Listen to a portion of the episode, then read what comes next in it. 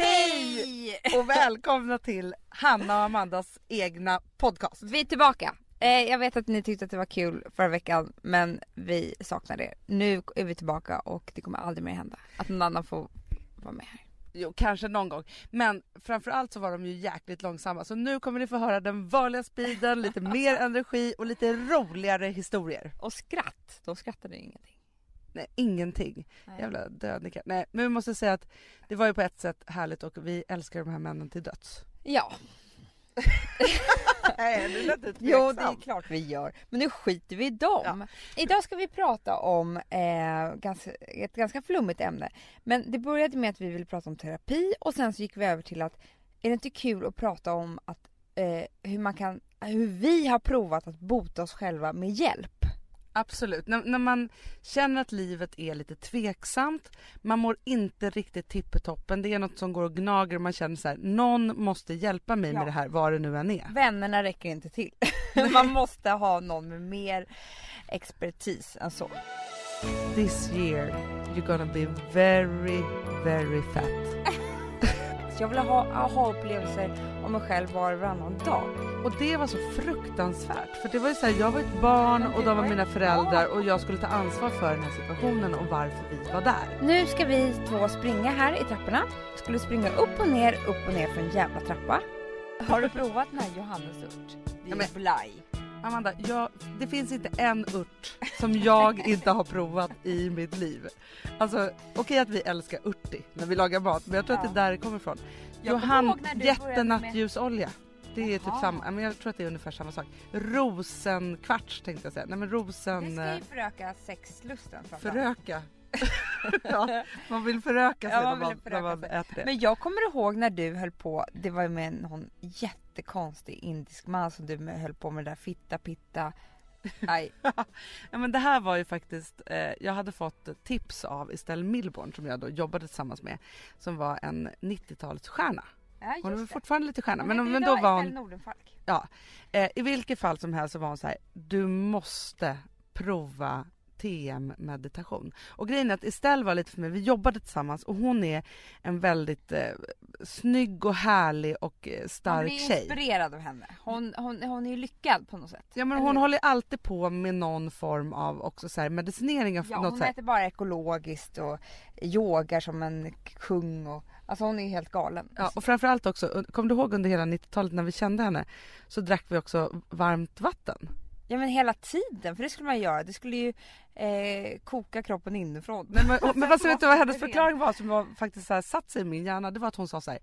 Men vadå när du diskar, om du diskar med kallt vatten då blir det inte rent. Men dricker du var- eller diskar med varmt vatten då blir det rent. Så att det är som att rena sig själv. Så Men jag var tror det. fortfarande att hon dricker kokat vatten. Jag kommer göra det när jag kommer hem idag. Ja, bra. Men i vilket fall som helst så var hon så här, men du måste gå till min indiska superguru.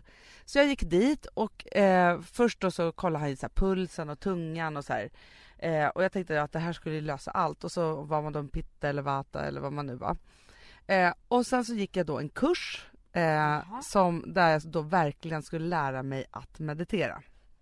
Eh, och det här handlade om då mycket att man skulle liksom ändra sin, eller så TM-meditation har så här, otroliga studier att om alla gör det, man gör det på vissa tidpunkter för att då är det som att liksom alla i världen gör det då Alla och får hjärnvågorna att räta ut sig och det är så här. Men samma sak händer faktiskt om man spelar golf har jag fått höra. Men gud. Ja, men så det är så här, och det är liksom de har sett otroliga förändringar på fångar i så här hemska fängelser och sådana saker. Jag tänkte det skulle inte vara krig i världen om alla gjorde det här samtidigt. Nej, då skulle världen vara mycket bättre. Och det tror jag i och för sig på. Men jag satte då igång med den här kursen och sen skulle man då meditera om det var så här 20 minuter varje morgon och man skulle också säga innan det skulle man duscha. Man skulle torka sig på ett speciellt sätt för att eh, energin skulle stanna kvar i kroppen och man inte skulle torka bort den och man skulle smörja in sig med med sesamfröolja och det var så här, ja, det var en massa saker man skulle göra. I vilket fall som helst skulle man då meditera. Jag gick kursen, började då med den här meditationen och det slutade bara med att jag bara grät. Alltså jag grät och grät och grät. Så det var väl jättemånga... väl bra för Alltså det var ju trassel på mina hjärnvågor som skulle rättas ut där. Eh, Så det var säkert jättebra. Men, men det sjuka var att först ringde jag då till den här meditationsläraren liksom. Mm. Jag bara, men du vet så, jag bara gråter. Han bara, ja men sänk, du kanske, alltså det kanske är för mycket för dig att köra 20 minuter om dagen. Jag tycker du ska börja med 5 minuter om dagen. Jag bara okej. Och sen så efter en vecka jag bara, men alltså jag bara fortsätter gråter och gråter. Han bara, du kanske inte ska meditera överhuvudtaget sa de. Så det slutade med att jag slutade meditera. Dina hjärnvågor var inte gjorda för det här. Nej, Men jag vet inte, men kanske, jag var ju också så här 25. Helt Jag kanske inte var mogen alls Nej. att göra det här. Men det var ju också när jag var ungefär 25, då var jag ju som mest sökande. Det Ja. måste man ju säga. Ja men det är man ju. Och det var också då som jag gick eh, till spådam varannan vecka. Alltså ett tag, då ringde jag väldigt mycket på de här, du vet de här tidningarna. Alltså, Alltså, 071-numren. gud ja. Eh, jag och Lina vi ringde, vi bara så här: okej vad ska vi göra ikväll? Eh, kommer han vara där? Jag ringer. Eh, Hej, det ko- kommer den här killen med mörkt hår vara på det här stället? Hon bara, ja. Det tror jag. ja, tack så mycket, hej då. Eh, det kostade liksom 69 kronor minuten. Ja men det var ju skitdyrt. Men alltså jag hade min, eh, jag har ju haft en fantastisk spåmänniska. Min an- också, ja. samma. samma som, är- som eh, vi älskar högt och som heter Katarina. Och hon har ju varit liksom mer som en andlig vägledare än en spåtant kan man väl Mycket säga. mer. För jag, jag kommer ihåg också en gång när jag var i New York. Då så var det på en restaurang, en indisk restaurang och där satt någon gubbe som man kunde spå sig hos. Och han tittade i händerna, han läste händer. Och när han var färdig så sa han You will be happy in 2027. alltså det här var 92 typ. Det var 99. Åh, så jäkla Det var inte- till, till 2027. Nej men liksom. förstår du? Ja, jag skrattade jättemycket åt det där. Och så, så min kompis, han bara you will be happy in 2012. Eh, Och vet du om den här kompisen har blivit lycklig nu? men Hanna, hon är lyckligare än någonsin. Hon har precis funnit kärleken. Jag kommer att tänka på det här igår. Hon har aldrig varit så lycklig i hela sitt liv. Och då blir jag så jävla rädd. För Fast- då kanske det stämmer in med 2027. Men ska vi inte bara säga det att det är så här, om du ska bli lycklig 2027. Ja. Fatta vad lycklig du kommer bli för jag tycker du är rätt lycklig nu också. Ja men jag tycker också det. Men då kanske det infinner sig något helt, alltså jag kanske vinner 250 miljoner på Lotto. Vi kanske säljer perfect day till någon superguru i New York. Ja men alltså vad som helst kan hända då.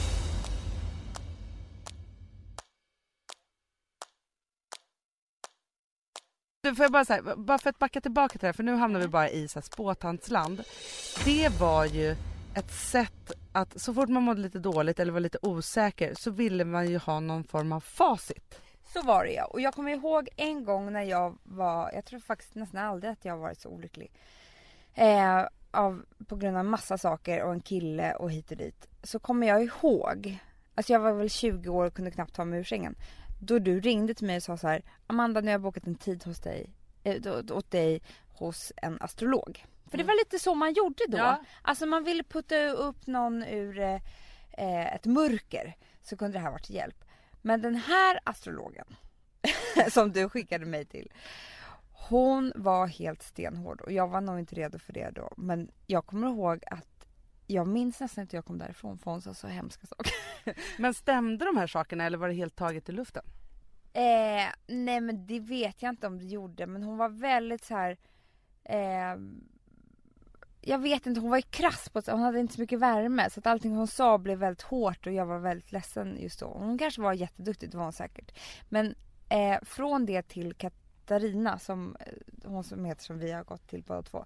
Hon är ju precis som du säger mer en vägledare. Det är inte så mycket du kommer få tre barn eller eh, det här och det här kommer hända utan man kan faktiskt prata om saker som man undrar om och hon har väl bara lite mera känsla av energier, vad som kanske kommer hända om, om man väljer olika vägar och sådär. Eller hur? Ja, men hon är ju faktiskt fantastisk och hamnar man hos en sån så tycker jag att det är en väldigt, väldigt bra hjälp. För just någon som kan ta hand om ens känslor och ge en lite stöd och vägleda och så vidare. Så här, det behöver man ju och ibland så är man inte redo för att lägga sig på soffan och bara gå i superterapi utan man kanske är lite mer eh, så att man så här, behöver en quick fix av liksom en timmas superboost. Ja, sen väljer man ju ändå sin egna väg. Eh, och kanske glömmer bort allt som sades den här timman när man går därifrån. Men sen kan det också vara ett halvår senare man känner att men gud det där hon sa det stämde ju faktiskt. Och, alltså man börjar väl tänka och få saker bekräftat och det kan ju vara nyttigt. Mm. Men apropå det där som du sa att när hon sa så hemska saker. Jag var ju faktiskt hos en en astrolog eller ja, en spåtant i, när jag var i Brasilien. Och då hade jag och min förra man, vi hade precis liksom repat ihop vårt förhållande efter en superkris verkligen. Och så gick jag dit eh, och alla sa att hon var så himla bra och fantastisk. Och så sätter jag mig där och hon bara så här, nej det här är inte bra. Jag är ledsen att säga det men han kommer bara göra det här och det här igen och det var så här. Så jag kom därifrån och var bara så här, men vad ska jag göra? Ska jag sluta eller? Alltså nu kanske jag... Men du kände att du litade på henne? Nej, utan jag var så här, nej fast vet du sak, hon måste haft fel. Hon kanske pratade om min pappa eller hon kanske pratade om, alltså så här, jag hittade massa olika förklaringar till det. Förkastade det som att hon var den sämsta spåtanten ja, i universum.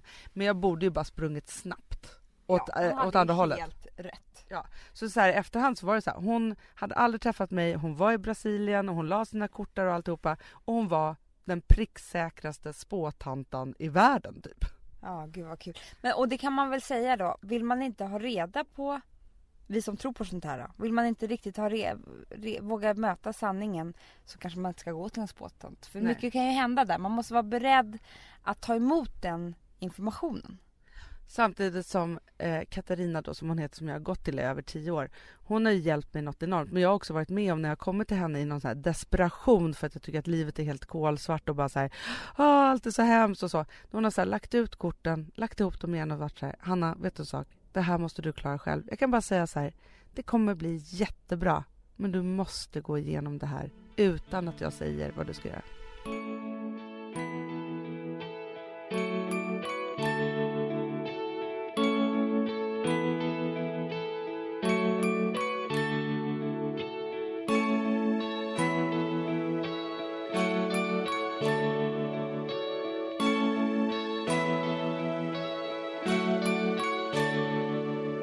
Amanda, vi är sponsrade av Sambla. Ja, och det tycker jag är så bra.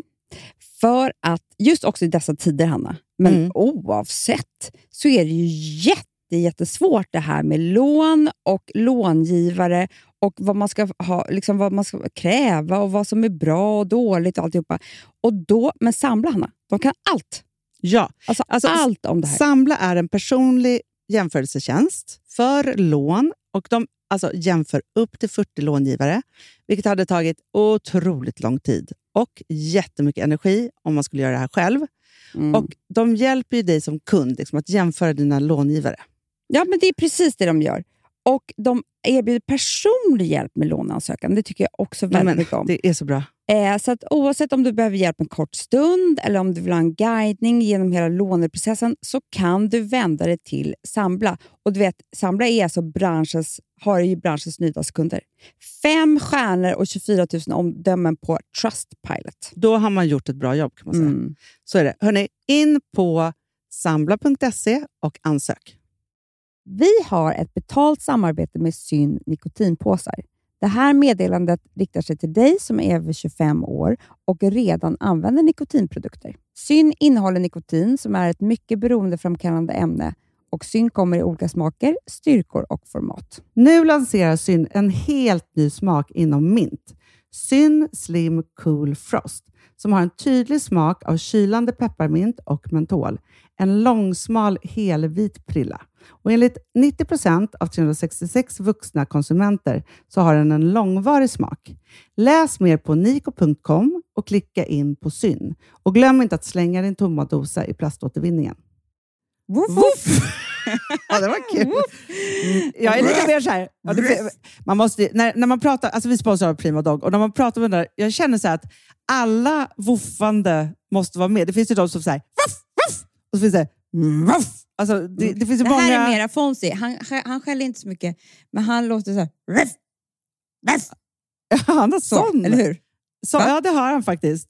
Får jag, säga, jag skickade ett klipp till dig. Contemporary dance med hund. Du, det är så Fonzie dansar när han får prima dogmat. För att, ja. Vet du varför? Den är så snäll mot magen. Han får en helt bekymmersfri vardag.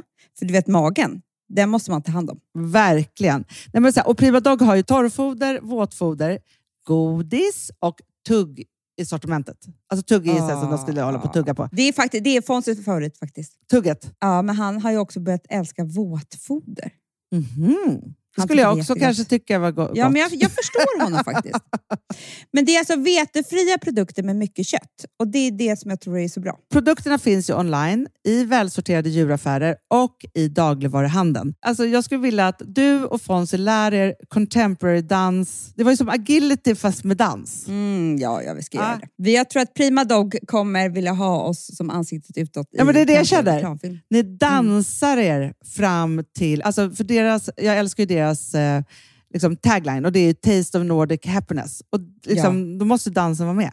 Ni kan gå in och läsa mer på primadog.se och snart se mig och Fonzie i en dans på en skärm nära er. Underbart!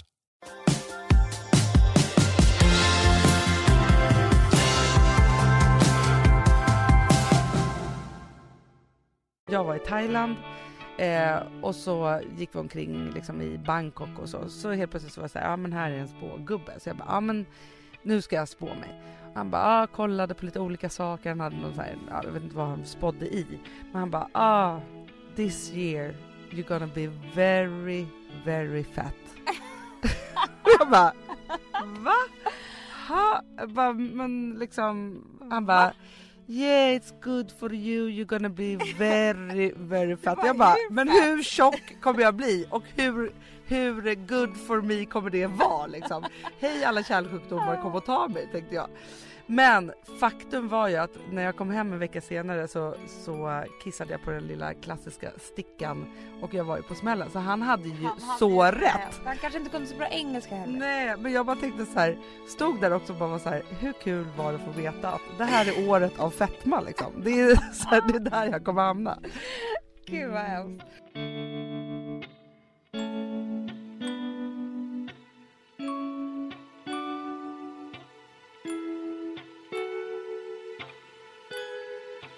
I den här sökandesperioden, Ja. alltså jag var väl 20 sådär, och då hade jag ju fått, som jag pratade om förut, känna av det här med panikångest. Och då så var ju det här kognitiva eh, på, i ropet. Ja. Kognitiv terapi alltså. Kognitivt beteendeterapi, KBT heter det. Och då sökte jag upp en sån person och hon var ju helt sjuk i huvudet egentligen tyckte jag. För det första så var hon ju så stressad, alltså man, när man kommer in i en terapisal eller ett rum och sätter sig med någon, då vill man ju bli lugn och trygg. Hon var så hetsig va, så att vi skulle alltid börja med att boka nästa tid. Och innan vi var färdiga med det då hade jag ju, alltså var jag ju utbränd av hennes maniska beteende. Ja det var helt konstigt. Sen frågade jag så här, hur, hur känner du då nu när du, eh, om du får en panikångestattack? Jo men jag får eh, hjärtklappning och det blir väldigt obehagligt, jag tror att jag ska dö. Okej, kom med mig ut här. Till hennes trapphus. Det här var i stan. Nu ska vi två springa här i trapporna. Skulle springa upp och ner, upp och ner för en jävla trappa. Och när vi, jag var jätteanfådd så sa hon, klappa ditt hjärta nu. Då sa jag, ja det gör det väl. Titta, det är inte farligt. Ja, men. Nej men vad är det Hanna? Men det låter ju som, för det är ju långt ifrån, det är ju hjärtklappningen man är rädd för. Det är ju alla, liksom det är ju ens egen hjärna som ja, gör det att man hetsar upp kommer sig. ju någonstans ifrån. Det är inte så att jag bara kunde, jaha nej men det här. Fast hon har ju helt fel. Det, det är så här, kognitiv terapi går ju ut på att man ska eh, liksom pröva saker och ting för att kunna, liksom, alltså så här, i den verkliga världen istället för att prata om det. Men då handlar det väl om att testa sina rädslor och inte det som händer fysiskt med kroppen. Absolut inte.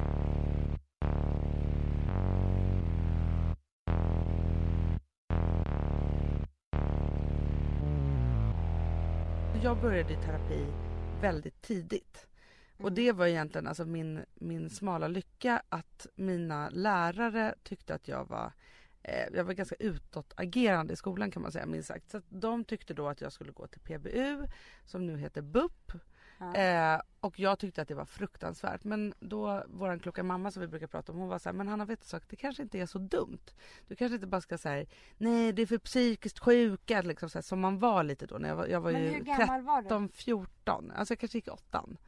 Men hur Eh, ser en sån terapiform ut när man pratar med barn på det Ja men det är det jag ska berätta och då var det så att eh, då, för då är det så att när, på den tiden i alla fall när det gällde PBU så var det så att man var tvungen att ringa dit själv och säga så här hej jag har det här problemet jag vill komma till er. Men det är fantastiskt för det är ju gratis. Alltså det det är är, ju helt underbart och, och det är till för alla och man kan ringa dit själv. Så då ringde jag dit och bara hej hej jag heter Hanna och jag är 14 år och jag vill komma så här. Och då var de så här, ja men första gången måste man komma med båda sina föräldrar. Jaha. Och det var ju superläskigt men jag var så här, ja ja då får jag väl göra det. Och den som jag just då hade väldigt mycket problem med var ju våran pappa som var väldigt eh, speciell just då. Eh, så det var liksom min stora liksom, knut i det här. Och jag minns så himla väl den där första vi kom till en, en manlig terapeut och jag då som hade problem med liksom, män överhuvudtaget. Det kanske inte var så bra för mig så himla tryggt Nej. att komma till en manlig men det visste ju inte de. Så här. Men då satt vi där i alla fall. Och då minns jag så väl att då min pappa då sa så här, han bara ja Hanna nu sitter vi här, du kan väl börja med att berätta varför. Och det var så fruktansvärt för det var ju så här, jag var ett barn och de var var mina föräldrar barn och jag skulle ta ansvar för den här situationen och varför vi var där. Men det, det låter ju helt fruktansvärt. Ja. För då tycker man också att där ska ju den här terapeuten gripa in och ta makten över den situationen. Ja för det var ju det någonstans att det var så tryggt att det fanns en annan vuxen som skulle sitta där. I vilket fall som helst så slutade den här jag vet inte, det slutade inte så bra men jag minns då så andra gången vi skulle då till samma person så var det då jag och mamma och eh, pappa kunde då inte. Eh, Nej. då hade han väl tröttnat på Men jag att... kommer ihåg att vi var där hela jag Ja men jag vet, med. det var, det var ju stora krismöten där Ja. runt, runt min tonårsperson. Men i alla fall, och då eh, utspelades det något så konstigt för då skulle den här då terapeuten då säga, för mamma hade liksom ett hårspänne i luggen. Att hon var barn och jag var vuxen och det var allt var hennes fel. Och det blev så här, och grejen är så mycket kan man säga om mamma också, men inte det. Nej Eh, verkligen inte. Och det var verkligen så här, så att det slutade med att jag och mamma stegade ut därifrån och blev arga. Men då i alla fall så fick jag byta terapeut. Och så hittade jag en annan kvinnlig terapeut som jag sen gick till tills jag var 19 år. Och jag måste säga så här, jag tror att hon otroligt. räddade mitt liv på massa olika sätt och formade mig till den personen som jag är idag. Ja men det är ju helt otroligt.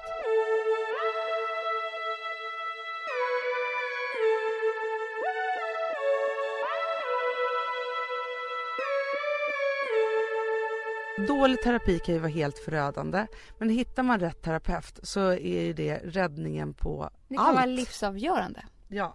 och livsviktigt. Ehm, så att man ska inte vara rädd för det. Tvärtom. Så gå, gör man den resan, hittar rätt person, går dit, ger det tid, eh, kämpar på. Herregud vad stolt man ska vara över sig själv. Men du har ju gjort världens terapiresa och en Mm. sån sjukt duktig livsläxa. Kan inte du berätta lite om den? Jo, det kan jag göra om du vill. Nej men jag har ju då gått i terapi i snart tre år. Och eh, nej men vi har ju babblat om det här förut. Men jag måste säga att förutom att jag fött ett barn så, så är väl det det som jag är mest stolt över. Att jag för att det är så mycket som man eh, liksom gör lite så här halvdant och sätter igång med som typ alla våra saker vi har pratat om här. Och sen så gör man det inte fullt ut. Men det här har jag gjort fullt ut och det är skitjobbigt. På alla sätt och vis. Men för de som inte har gått i terapi överhuvudtaget, kan inte du berätta liksom, för det är ju ett arbete. Det är ett arbete och framförallt så lär man sig. Jag trodde att jag var en ganska så här, tänkande person innan jag började i terapi. Jag hade olika analyser om mig själv och hit och dit. Men de kan jag ju ta och slänga någonstans för att det som händer är att man börjar förstå saker. Man börjar förstå hur det har varit för en själv och så liksom sätter man en massa andra människor eh, som har varit nära en i det här. Man förstår varför alla har reagerat som de har gjort, varför alla, allting har blivit som det har blivit. Ingenting är så här, oj det där bara hände. Det finns alltid en förklaring till det. Och när man har förstått det och kan tänka, mentalisera heter alltså man kan tänka om sig själv, hur man tänker. Då har man nått en ny dimension i livet tycker jag. Eh, man blir ju väldigt mycket snällare mot sig själv för man förstår hur, hur det har kanske varit, om det har varit några hemskheter. Och man, man blir en ganska mycket klokare person. Man ser mönster och man lär känna, och är man intresserad av ämnet så är det ännu roligare för man lär ju känna människotyper och hur det kan vara och hur det, man reagerar på olika saker. Och så kan man se det runt omkring i sin omgivning. Och det låter ju förmätet, men det är lite som en aha-upplevelse tyckte jag. Men det som jag tror att många som läser din blogg och så undrar det är så här, du skriver mycket om så här, saker och ting du är rädd för och du liksom så, håller på ganska mycket med det. Alltså, och det enda som man undrar när det kommer till terapi, för det är klart man, man lär sig en massa sådana saker, det är så här, har du blivit Alltså mår du bättre psykiskt? Ja men självklart. Och jag tror så här. Jag skulle inte kunna skriva om alla de här sakerna i en blogg om det inte var så att jag hade rätt ut väldigt mycket av det. Idag kan jag fortfarande kanske känna samma typ av känslor eller tänka på samma saker. Men det tar inte makten över mig och det rubbar inte mig på alls samma sätt. Jag kan kanske skratta åt det eller jag kan i alla fall lokalisera var det kommer ifrån eller sådär. Och därför kan jag ibland skriva sådana inlägg för jag, det finns ju massa andra människor där som känner samma sak och sådär. Men jag skulle, var det här ett öppet sår skulle jag nog inte kunna göra det. Förstår du vad jag menar då? Men du har kommit så långt i din terapi så att du är liksom ganska långt ifrån de här ämnena eller man ska säga. Jättelångt ifrån. Och om man talar om så här dalar och, och toppar eh, så kommer jag aldrig ner dit igen idag riktigt. Inte så långt ner. Man, man kan ha en dålig dag och man kan, eh, det kan hända massor av saker. Men jag eh, har, eh, ja men och det här tjatar jag om, men jag, jag har makten över mig själv idag och hur jag känner och hur jag mår om inte något fruktansvärt skulle hända som man inte kan styra över. Men det som händer inom mig och min hjärna, det har jag makten över. Det som, som är utmärkande för din terapiresa är ju att du har blivit en väldigt mycket mer grundad person. Du gör inte det som jag hatar så fruktansvärt mycket. Du gömmer dig inte li lika mycket. För ibland så kunde du bara försvinna för att du inte orkade dela med saker. Det gör du inte. Och framför allt det som jag uppskattar och som jag har väldigt stor nytta av. Det är om jag är så här, ah, gud jag har ont i huvudet eller jag blev så trött eller det var si eller gud så här. Då kan du väldigt snabbt komma till min kärna och berätta för mig vad det var som hände där innan och att det inte var så konstigt att jag fick den där ångesten eller den där huvudvärken eller hur jag nu kanaliserade ut det här.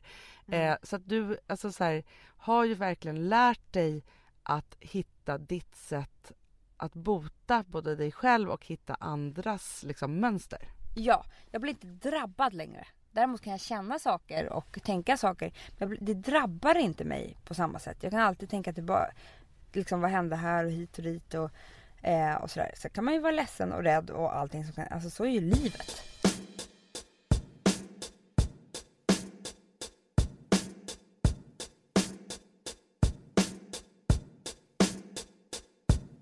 Jag har ju gått både i terapi som barn eh, som halvvuxen och som vuxen. Och jag kan väl säga så här, jag har gått igenom allt från att här, gå i terapi för att, för att ta bort saker och jag har gått i terapi för att ta in samma saker igen och så vidare. Så och man får ju vara, alltså jag tror att det är viktigt att man vet att terapi är olika i olika stadier av livet. Men summan av all bra terapi gör en till slut till en bra människa. Absolut. Och vet du vad jag tycker är viktigt i allt det här? Det är att utvecklas. Alltså men alla kommer till en punkt någonstans mellan 25 och 30 och så här, så här var mitt liv och så, så är jag och hit och dit. Sen på något sätt så måste man gå vidare. Eh, alla kanske inte känner så, men jag tycker att väldigt många härliga människor som man kan, alltså gör det, att man utvecklas vidare. Och det här är ett väldigt bra sätt att göra det på och jag hoppas att jag aldrig slutar utvecklas. Jag vill ha aha-upplevelser om mig själv var och varannan dag. Jag tycker att det är spännande. Men det är jättespännande. Jag måste faktiskt också säga så här, jag har ju gått i terapi, jag har gått till spåtanter. Eh, pratade om den här boken Hemligheten som gjorde att jag kunde bli ihop med Gustav. Eh, jag läste The Secret när den var på topp, Nionde insikten när den var på ja, topp. Jag har verkligen ja. gått igenom alla de där olika sakerna och jag tror eh, på eh, i andliga perioder ibland ibland är jag bara så här superkrass och bara så här, nej men det är hur man mår och så kör man det här och så ser det på det här sättet. Men jag tror att det är viktigt att vara i sig själv och våga hålla på med det där och skaffa sig sin egna religion. Verkligen. Och sen ska man vara beredd på, om man ger sig in på en terapiresa, att det är ganska mycket sorg. Det är, man rensar ut. Det är inte alls eh, så att alla människor kommer finnas kvar på massa, av massa olika anledningar. Men det kommer in nytt. Alltså det händer ju massa saker. Man måste när, vara beredd på det. När hatade du mig mest under terapin? Nej men jag tror faktiskt inte att jag har överhuvudtaget hatat mina syskon i min terapi. Tvärtom tror jag. alltså kärleken blir bara större och större för att eh, nej men på något sätt så är vi alla partners in crime och har varit barn. Och det är ju... Eh, nej men det är ju när man är barn som allting händer. Man måste gå tillbaka dit. Det bara är så. Och då är man på sätt de enda som man hade. Ja, exakt. Det är fint tycker jag ändå. Kommer alltid en liten tår.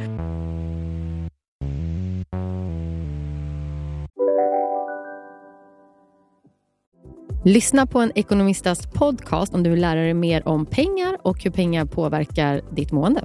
Med mig Pingis. Och med mig Hanna. I samarbete med Nordax Bank.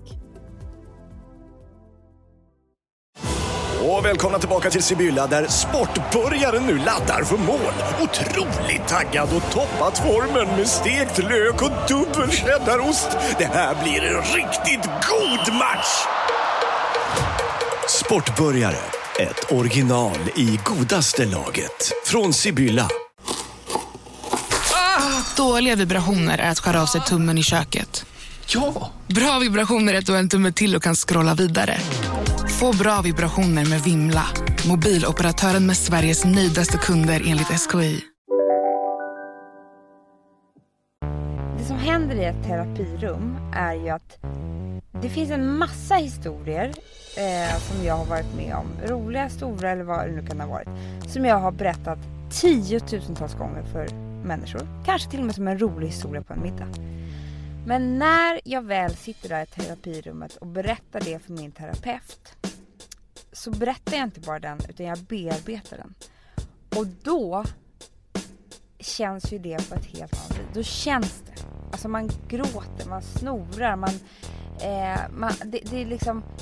Det, man, man, känner samtidigt som man berättar och det, det är väl det som är terapi för sen så är det klart. Då är det minnet alltså det är inte borta men det, det, man har gjort upp med det så att säga. det så finns ju ingenting som är så skönt med heller att man sätter sig där i terapistolen och så säger man så här, men jag har varit med om det här och så säger den här kloka, bra personen, terapeuten då så här, men det var fel. Det var någon som gjorde fel mot dig. Alltså det finns ju ingen gång man kan gråta så Nej, mycket som då. kan man gråta så mycket och speciellt när man ser sig själv som barn och, och då tillåts att tycka synd om sig själv som liten. Alltså det är ju en ganska smärtsam känsla men väldigt skön också. När vi hade bestämt att vi skulle prata om det här ämnet så jag fick ett, ett meddelande av en kompis på Facebook och så scrollade jag igenom alla våra gamla meddelanden från typ 2007. Och the hon, timeline. The timeline. Men det här var ett meddelande som inte var för alla. Så hade hon varit super, super skitjävla ledsen. Så som man kan vara. Ja, och inte över liksom något speciellt utan över typ livet. Och då och att livet kändes tråkigt på sätt. Och då hade jag skrivit den här till henne så jag kommer faktiskt läsa den ja, här nu den som en gammal fin. skolfröken ja. rakt upp och ner. Eh, för att eh, men det handlar lite om hur man ska se på saker och ting. Ja. Och den heter, jag vill skratta själv det här, Som ett värdshus. Att vara människa är som ett värdshus. Varje morgon nya ankomster. En glädje, en depression, en elakhet. Hälsa dem välkomna och underhåll dem. Även om de utgör en samling sorger som med våld tömmer ditt hus på dess möbler behandlar de ändå varje gäst med värdighet. Han kanske gör dig redo för ny sötma, den mänskliga tanken, skammen, ondskan. Möt dem vid dörren skrattande och bjud in dem. Var tacksam vem som än kommer, för var och en har skickats till dig som en vägvisare från underjorden. Och den här är då skriven av en, en, en sufiske den sufiska, det är något konstigt ord där, poeten Jalaluddin Rumi som levde på 1200-talet. De tråkiga sakerna och de elaka känslorna behöver inte alltid vara så dåliga. Nej absolut inte. Och det, och det, det är ju så här med allt. Det att eh, det vore ju jättetråkigt om livet var glatt och eh, roligt precis hela tiden. För då skulle man inte ens veta när det var roligt. Alltså det är ju, så är det Så är det verkligen. Men hörni, gå i terapi eller ring en spåtant? Ja, hitta någon slags mentor eller ett rum där ni kan låsa in er och prata högt för er själva. Whatever. Men det här med att bota sig själv, det ska man ge till sig själv hela tiden tycker jag. Och mitt botemedel idag var just att det började regna för nu släppte lågtrycket. Jäklar vad skönt. Huvudvärken är borta. Vad ska vi prata om nästa vecka då? Och jag tycker vi ska prata om något smaskigt då. Något så här sommar, vår, smaskigt. Sex eller något så här. Men som man... Nej det kanske inte ska prata om. Vad ska vi prata om?